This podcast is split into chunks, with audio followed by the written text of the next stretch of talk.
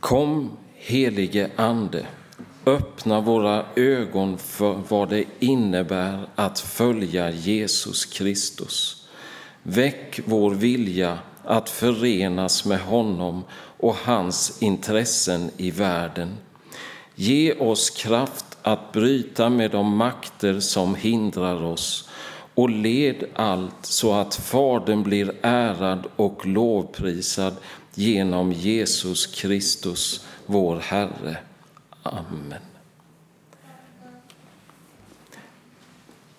Visst är det gott när man kommer tillbaka och så ser man så pigga människor som sitter här.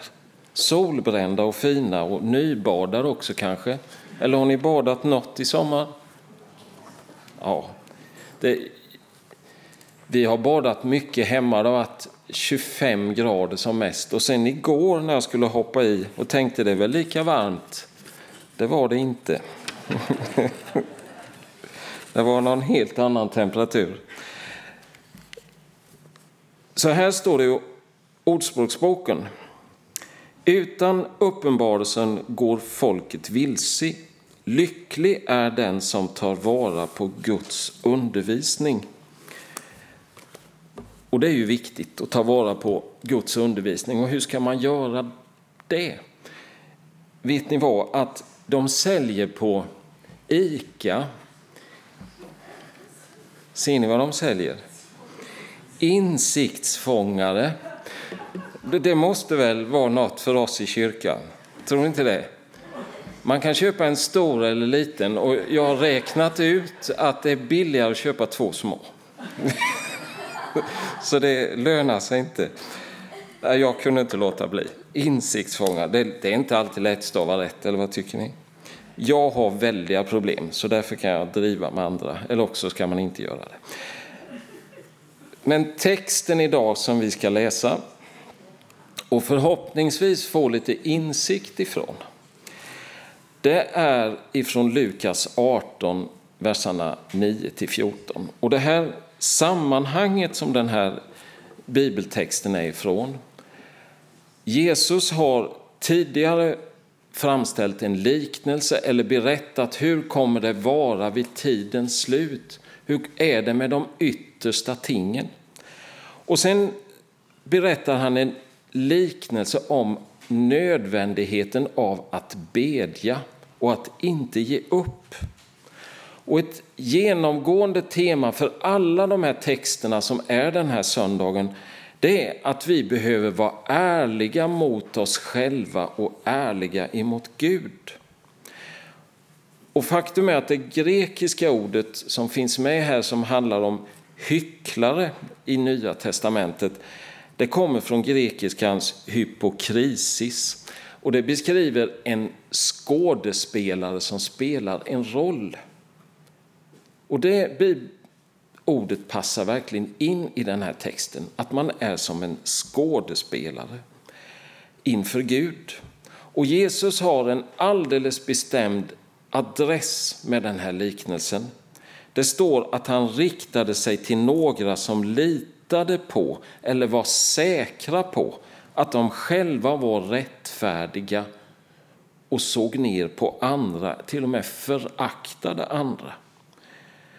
Och jag ska läsa ur folkbibeln och ni får texten från Bibel 2000 här bakom. Eller också finns det ju sådana här svarta böcker som heter biblar som ligger här i bänkarna så kan ni slå upp Lukas 18, 9-14. Men texten kommer också här. Det är Nya testamentet där ni vet. Matteus, Markus, Lukas kommer där. Så kapitel 17. 18. Alltså, jag skulle bara kolla om ni var med. Nej, det är inte alls. Och då står det så här. För några som var säkra på att de själva var rättfärdiga och som föraktade andra berättade Jesus också denna liknelse. Två personer gick upp till templet för att be. Den ene var farisé och den andra tullindrivare. Farisén stod och bad för sig själv. Gud, jag tackar dig för att jag inte är som andra människor, roffare, brottslingar, äktenskapsbrytare eller som den där tullindrivaren. Jag fastar två gånger i veckan, jag ger tionde av allt jag får in. Men tullindrivaren stod långt bak och vågade inte ens lyfta blicken mot himlen utan slog sig mot bröstet och bad Gud förlåt en syndare som mig. Jag säger er, han gick hem rättfärdig, inte den andre. Var och en som upphöjer sig ska bli förödmjukad, men den som ödmjukar sig ska bli upphöjd. Amen. Det här tycker jag är en svår text, för den kan verkligen bränna tag i en själv också. Och att fira gudstjänst som vi gör nu, det är att man vill möta Gud, man vill komma honom nära. Och gudstjänstens uppgift är först och främst att vi ska möta Gud. Och de här två männen i liknelsen, alltså båda två, de gick till templet för att be. De ville möta Gud. Och Jesus vill verkligen tala om i denna liknelse och det som har hänt innan och efteråt hur viktigt det är att komma Gud nära. Bön, det är kommunikation med Gud. Det är då jag pratar med honom och han får prata med mig. För utan den här kontakten med Gud så torkar vi där inne. Precis som åkrarna hemma och i trädgården. Vi har blålerejord och det har blivit så djupa sprickor och våra barnbarn har gått och stuckit ner pinnar nästan en halv meter i sprickor för att det är så torrt. Och jag tror det är så att låter man bli bönen, samtalet med Gud, så torkar vi. Jesus berättar alltså här om en högst vanlig farisé och en helt vanlig tullindrivare, precis som folket då såg de här människorna. Den ene var folkets förebild, även om man, det inte var många som kunde nå upp till vad de presterade och vad de trodde. Och den andra var alltså ett avskräckande exempel på hur man kunde falla i samhället. Han var en ständig varning för hur djupt och hur fel det kunde gå. Det var en människa som bröt först och främst emot Gud, emot församlingen, alltså synagogan, och mot människor, men framför allt också mot sig själv. Och jag tror att farisén han var en van bedjare och gudstjänstbesökare. Och tullindrivaren han var inte alls van. Om det hade varit den här kyrkan tror jag knappt han hade kommit till dörren vid kopiatorn där borta. Kanske han hade kommit så långt in, jag vet inte. Och egentligen skryter ju inte farisén här. Vi kanske tycker det när vi läser det, för vi har läst det så många gånger. Men han tackar Gud för den han är. Jag tror han är tacksam över att han har kommit i den situationen i livet och att han har sluppit syndens väg. Jag vet inte om det är medvetet hyckleri, men fariseerna då menade verkligen av hela sitt hjärta att de ville göra som Gud ville. De ville hitta Guds vilja. Det var sitt målet. Och jag har tänkt mig den här farisén som en helt vanlig människa. En riktig hederskar jag tror han fyllde 60 år förra året på sommaren. Och han fick både blommor och beröm när han fyllde år. Och han är inte någon tjuv och inte någon bedragare och han avskyr svarta affärer och fifflar inte med deklarationen. Han håller äktenskapet högt och har det bra med sin fru. Och han lever enkelt, andra festar och han fastar. Och sen ger han 10 procent i kollekt. Och det står, jag lämnar tionde av allt jag köper eller allt jag får in. Och nu är det ju så här att som pastor så bör man ju vara lite bibelnördig. Och då blir jag det ibland. För vet ni vad det står i 1917 års översättning vad han gav i kollekt? Det är då man går igång lite. Allt han förvärvade och allt han tjänade. Och jag undrar faktiskt om det inte är billigare att hålla sig till den gamla översättningen. För då, om jag tjänar 10 000 kronor i månaden och ger tionde till församlingen, då blir det 1000 kronor. Men om du köper en klänning till din fru och det blir alltså allt vad du köper så börjar det bli helt plötsligt bli värre. Köper jag en klänning till Ylva för 2000 så ska jag lägga 200 kronor i kollekt på söndagen. Eller en kostym du köper till din man då. Och köper jag en glass för 20 kronor så ska jag ha med mig 2 kronor på söndagen. Och köper jag en ny bil för 200 000, om det nu finns så nya billiga bilar, då ska jag ha med mig 20 000 på söndag.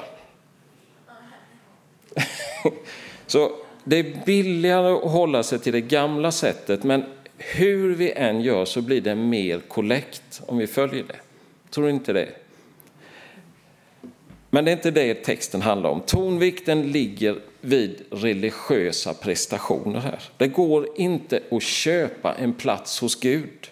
Och tullindrivaren han står långt borta, både från Gud och från det heliga och han vågar inte ens lyfta blicken och han säger var mig nådig. Och det här är säkert en människa som genom hela sitt liv har hamnat långt bort ifrån Gud. Och man kan ju undra, om en omvändelse skulle komma där, vad skulle hända då? Han skulle få byta jobb, han skulle tappa massor med sociala kontakter. Hela livet skulle bli annorlunda. Så en omvändelse för honom skulle få väldigt stora följder. Precis som det var för Sackeus. Men han trodde han var en människa utan hopp, för Gud hade knackat på hans hjärta och han ville att det skulle hända någonting. Och det är nu Jesus säger, alla människor i Israel då betraktade fariseerna som så fina och den här tullindrivaren som man knappt skulle ta i med tång. Det är han som går hem rättfärdig från kyrkan, inte farisén.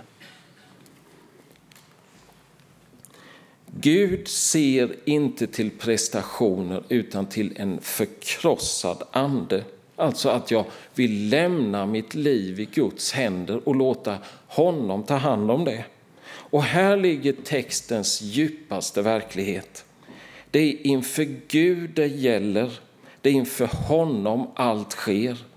Och utmaningen idag till oss det är alltså att öva oss i att vara oss själva inför Gud. Inte den där skådespelaren.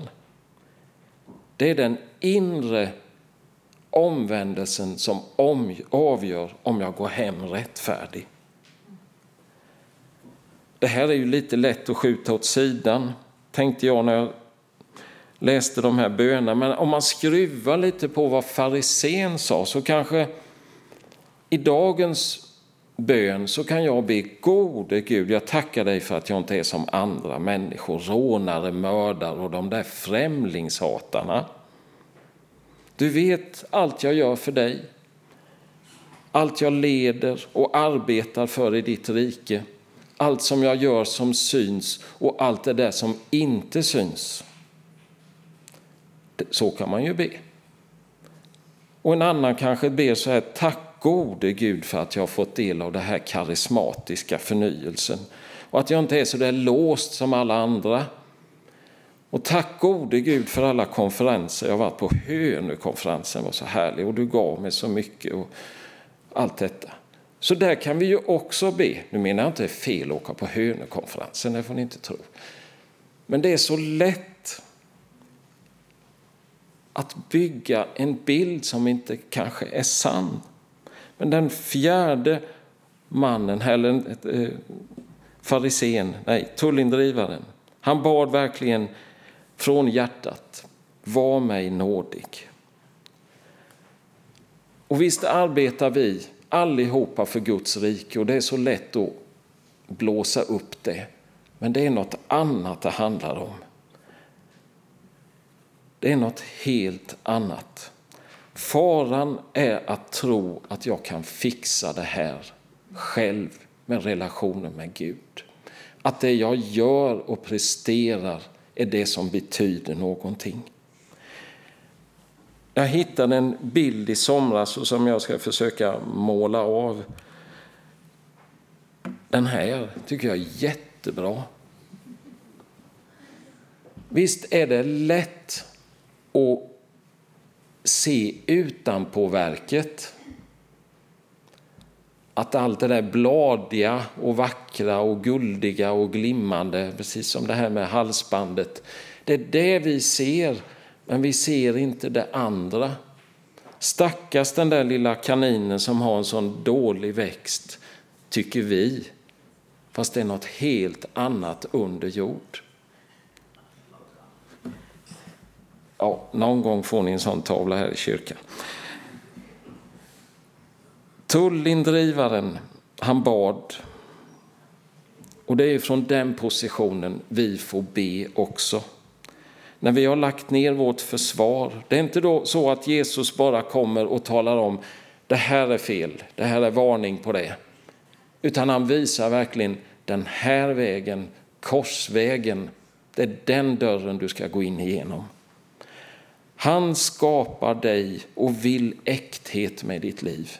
Det tycker jag är så viktigt.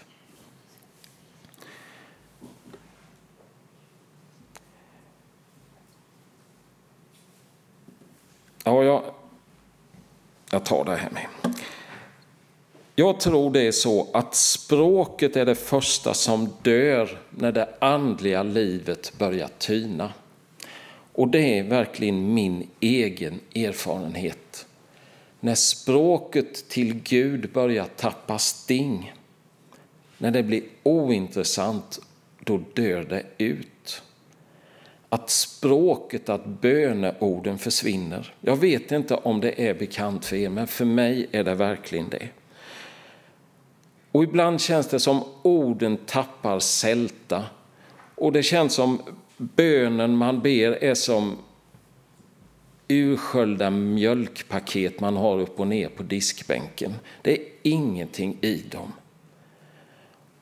Men då är det viktigt att komma tillbaka till Gud. Att använda andras böneord för att hitta sältan och stinget i bönen igen. För det är så lätt att hamna i tystnaden, i stumheten. Och i höst har jag tänkt att flera gånger återkomma till texten med såningsmannen som går ut för att så och det hamnar på fyra olika sätt, sädesåken, sädeskonen. Och jag har tänkt på det hemma när jag har sett skördetröskorna köra nu och på en del ställen är det väldigt dåligt med säd. Och jag har också tänkt på hur om vi säger en traktor som kör och kommer nära en åker och kör där med de tunga maskinerna, där blir jorden stenhård. Och där kastas kanske fröna ut för att sås, men de kommer inte ner i jorden, de blir liggande ovanpå. Och så kan det vara i våra liv, tror jag. När bönen tappar stinget, när man inte har det där nära förhållandet med Gud så känns det som en åker som en bil har kört på och det är precis platt och hårt och fröna kommer inte ner. Men varje trädgårdsodlare vet att ett välutvecklat rotsystem, det är det som avgör växten. Och det var det som avgjorde de här två som kom till kyrkan för att be. Den ena hade ett polerat yttre och tullindrivaren hade säkert tappat stingen i bönen, han hade förlorat tron. Men nu kom han tillbaka och hans rotsystem började fungera.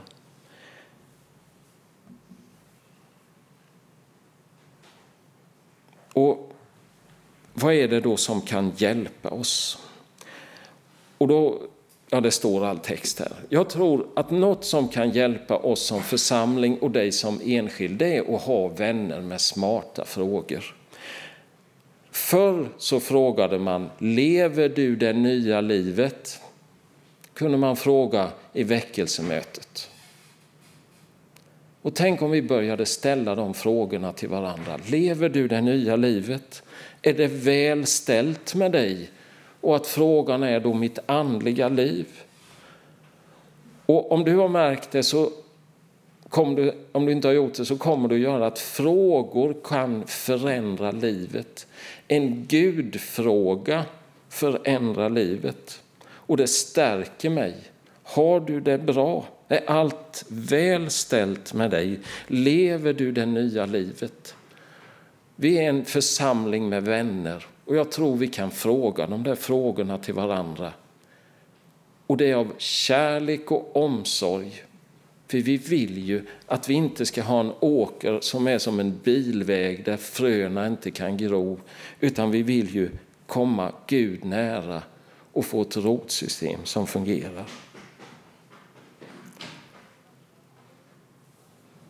Vi ber tillsammans.